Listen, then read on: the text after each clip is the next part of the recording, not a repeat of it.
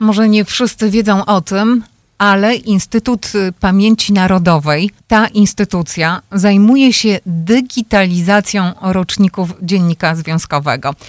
Dzisiaj o tym będziemy rozmawiać z osobą, która na ten temat wie bardzo dużo. Naszym gościem jest Joanna Dardzińska, główna specjalistka z Wydziału Gromadzenia i Opracowywania Zasobu Archiwalnego Archiwum Instytutu Pamięci Narodowej. Witam panią. Dzień dobry. Dodajmy, że jest pani gościem z Polski. Tak, przyjechałam e, z Polski, e, między innymi, tak jak już pani tutaj wspomniała, e, przywiozłam kolejną transzę kopii cyfrowych dziennika związkowego, jednej właśnie najstarszej gazety polskiej w Stanach Zjednoczonych, które właśnie wykonaliśmy w celu zabezpieczenia tych kopii, ale też w celu ułatwienia dostępu badaczom, dziennikarzom do informacji bardzo ważnych zawartych w dzienniku mówiących dużo o historii Polonii e, w Chicago. Tę rozmowę nagrywamy dodam 16 e, lutego. Pani wizyta rozpoczęła się kilka dni wcześniej.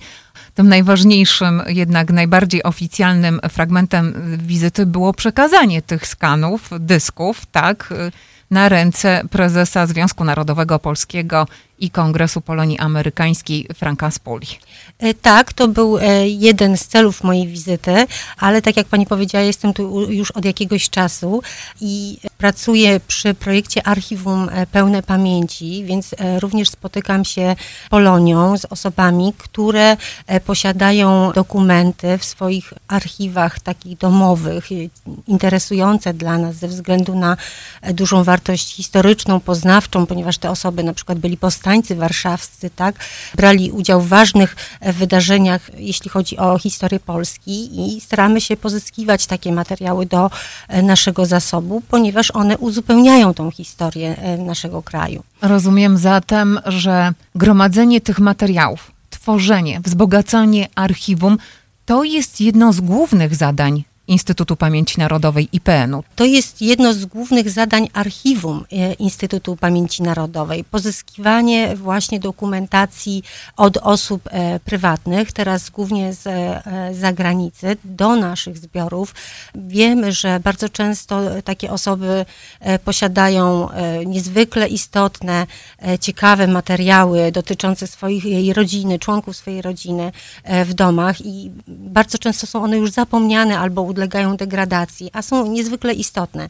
Wówczas przejmujemy je do naszego zasobu, e, przypominamy historię tych osób e, na łamach naszego e, na przykład portalu albo dedykowanego projektowi Archiwum Pełne Pamięci.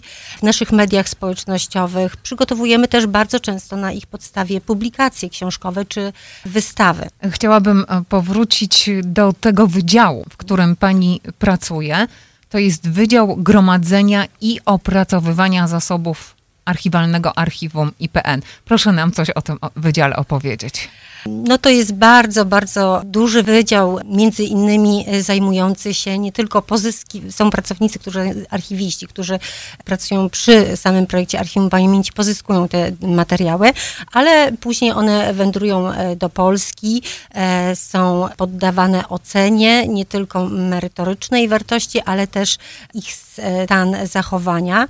Jeśli na przykład są w nich jakieś drobnoustroje, takie materiały są dezynfekowane w specjalnej komorze fumigacyjnej, później e, przechodzą kwarantannę, e, przechodzą do kolejnego działu, gdzie panie z pracowni konserwacji uzupełniają papier, jeśli jest taka konieczność, e, podklejają, zabezpieczają przed dalszą taką techniczną degradacją tych materiałów, a następnie są one digitalizowane, bo wiadomo, że dążymy do tego, żeby podłączyć kopie cyfrowe do, do opisów w bazie danych.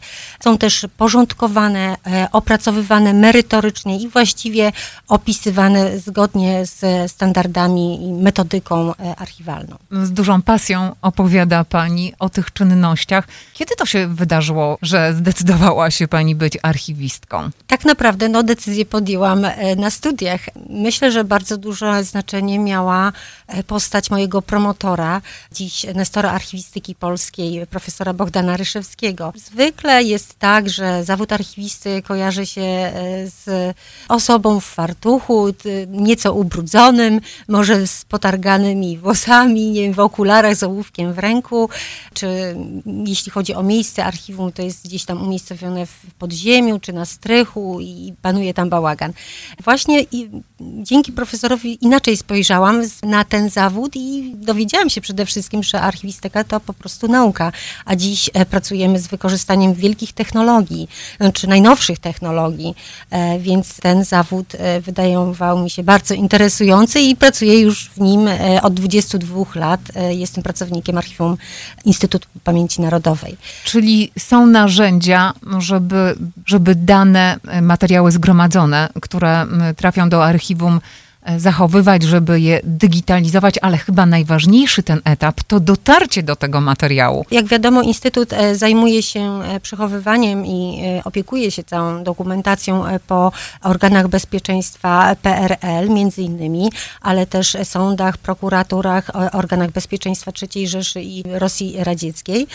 Natomiast po przejęciu tych materiałów zauważyliśmy, że bardzo duża część niezwykle ciekawego materiału źródłowego jest jeszcze u osób prywatnych, ale także na przykład e, w organizacjach e, polonijnych, stowarzyszeniach i instytucjach, z którymi również e, podjęliśmy taką współpracę. Współpracujemy z kilkudziesięcioma takimi organizacjami, od których e, nie tylko pozyskujemy dokumentację, ale też w naszej ofercie jest pomoc, e, różnego rodzaju szkolenia w zakresie opracowywania tej wytworzonej w toku ich działalności dokumentacji, zabezpieczania, digitalizowania. Udostępniamy e, własne serwery po to, żeby móc przechowywać takie dokumenty przez bardzo długi czas, ale też po to, żeby w łatwy sposób móc je udostępniać badaczom, naukowcom czy dziennikarzom.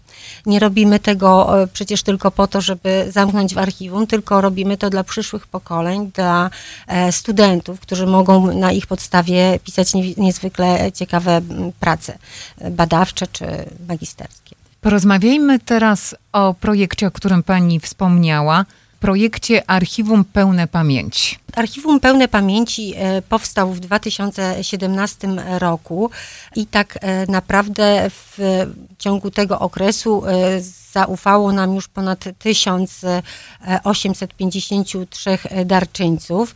Tak jak już wcześniej wspomniałam, docieramy do ludzi, przejmujemy materiały zgromadzone w ich e, domowych e, archiwach.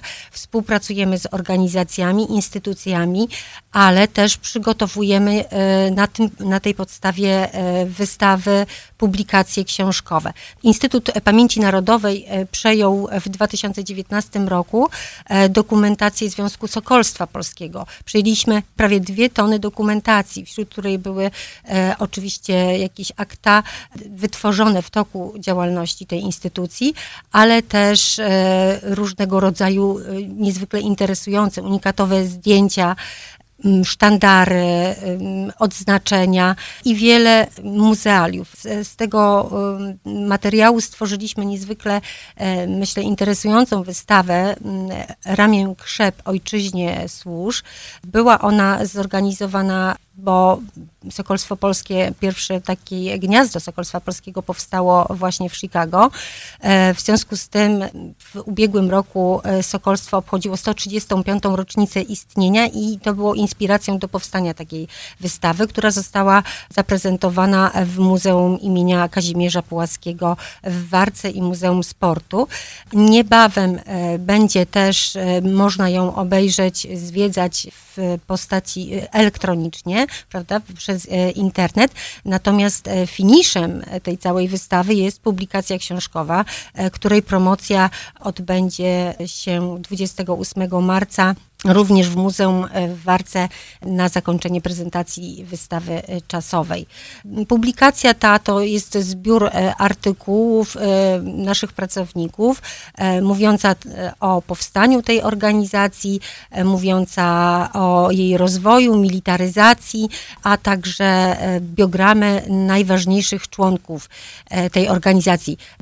Warto też e, zaglądać na nasz profil facebookowy, ponieważ tam zamieszczamy w każdą środę posty mm, przybliżające historię Sokolstwa Polskiego, bo należy przypomnieć, że jest to bardzo e, ważna organizacja i odegrała istotny wpływ w walce o niepodległość Polski. Między innymi e, wśród tych dokumentów, e, które przyjęliśmy z tej organizacji są materiały dotyczące pani Agnieszki Wisły, która była taką działaczką niepodległościową i organizowała rekrutację żołnierzy do armii Halera.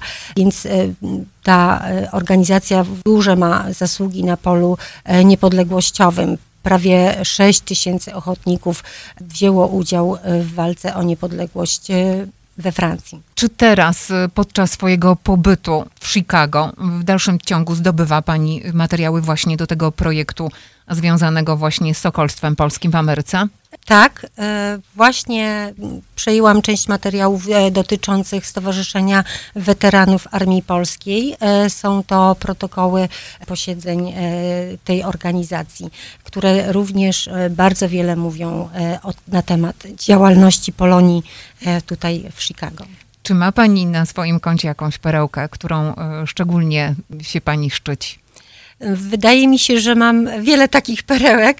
Gratuluję. E, powiem szczerze, kilka lat temu przejęłam dokumentację. To były listy oficera zamordowanego w Katyniu, listy oficera do jego żony, pamiętniki jego żony. Oficer nazywał się Władysław Walkowski.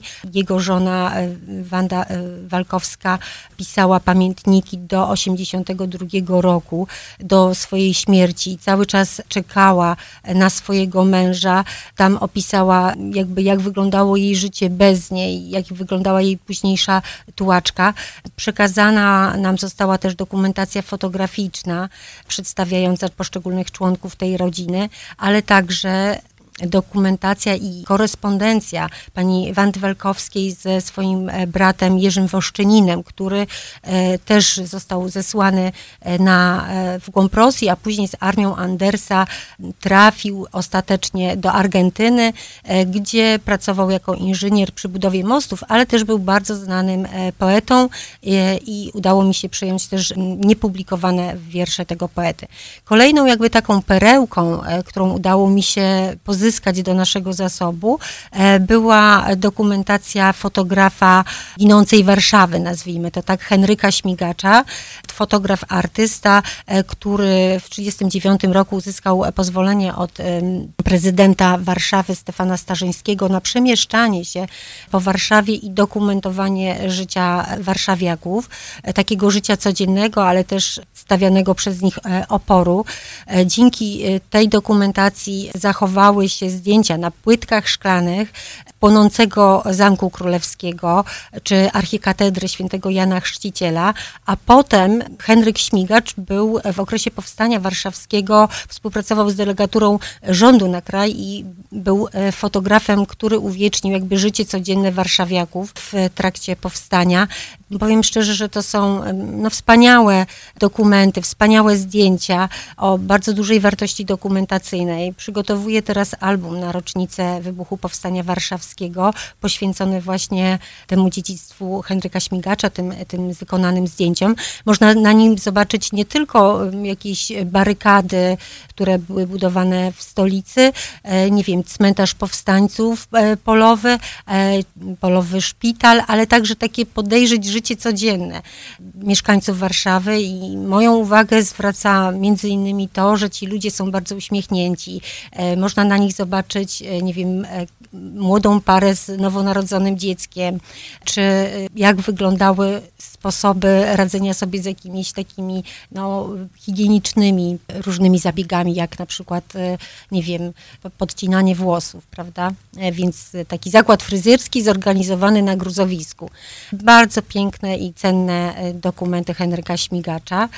Kolejne materiały, które też uważam za niezwykle interesujące, to są e, dokumenty byłych wermachtowców, czyli to, to są Polacy, którzy od lat zamieszkiwali na Górnym Śląsku, a w wyniku wojny tereny te zostały włączone do III Rzeszy, a później, wiadomo, Niemcy ponosili już coraz większe straty frontowe i potrzebowali rekrutów, wobec tego Polacy byli e, wcielani do Wehrmachtu. Ich losy też e, były bardzo różne. Mm, przejęłam dwie takie kolekcje. Jeden pan został wcielony do Afrika Corps i służył na tym froncie północnoafrykańskim, a drugi z kolei w Normandii. Później po dezercji trafili do polskiego wojska, do Anglii, do polskich sił zbrojnych, gdzie byli szkoleni na cichociemnych łącznościowców. Szkolenie nie zostało ukończone, bo już skończyła się wojna. Ale to pokazuje, jak trudne i zawiłe są losy górnoślązaków. Wiem też, że w Chicago mieszkał również pan, który miał taką swoją kartę służby w Wehrmachcie tylko to nie był e, Górnoślązak, ale e, pochodził z Kaszub. Został wcielony do Wehrmachtu, e, walczył w Normandii, a później brał udział w bitwie pod Stalingradem, a później oczywiście trafił do żołnierzy generała Maczka i z pierwszą dywizją pancerną już potem brał udział w wyzwalaniu Francji, Holandii czy Belgii. Ten pan nazywał się Rudolf Detlaw i po wojnie miał zgromadził olbrzymią kolekcję właśnie takich i militariów i dokumentów z okresu swojej służby. Istniały, zachowały się trzy wspaniałe albumy, które zawierają unikatowe zdjęcia e, z tego okresu. E, niestety ja widziałam tylko marne kopie cyfrowe całych kart tego albumu.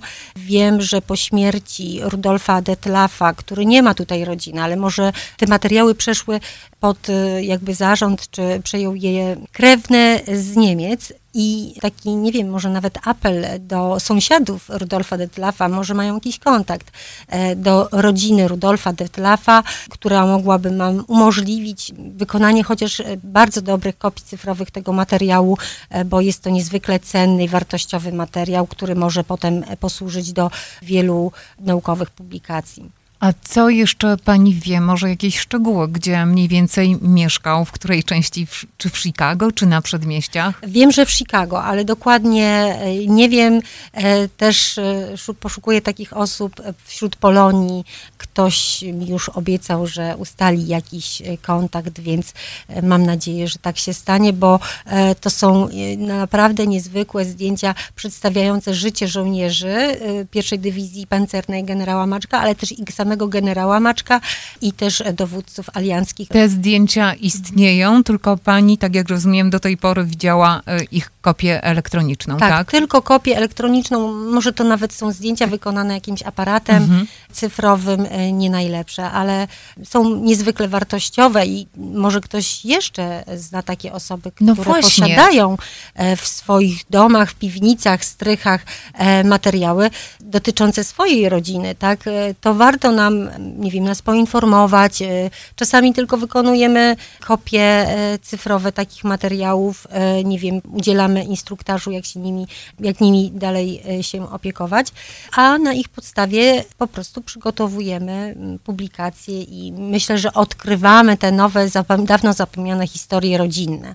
A wiadomo, że nasza historia składa się z mm, historii y, poszczególnych obywateli, prawda, takich historii rodzinnych, niezwykle ciekawych, które warto y, przybliżyć, przypomnieć. W jaki sposób możemy określić to, że dany materiał, że dane zdjęcie, że dana historia rodzinna może być właśnie tą bardzo wartościową. Może Pani w jakiś sposób powiedzieć nam, na co powinniśmy zwrócić uwagę na przykład w historiach rodzinnych? Na osoby, które brały udział w jakichś działaniach wojennych, brały udział w organizacjach? Tak, oczywiście, jeśli mają jakąś ciekawą korespondencję albo pamiętniki opisujące życie w danym okresie, prawda, czy korespondencję z jakąś ważną osobą, albo korespondencję z mniej ważną osobą, ale w której opisuje się, odnosi do sytuacji politycznej, czy ekonomicznej, czy jakiejśkolwiek innej. Czy są to zdjęcia wykonane, nie wiem, w trakcie mm, powiedzmy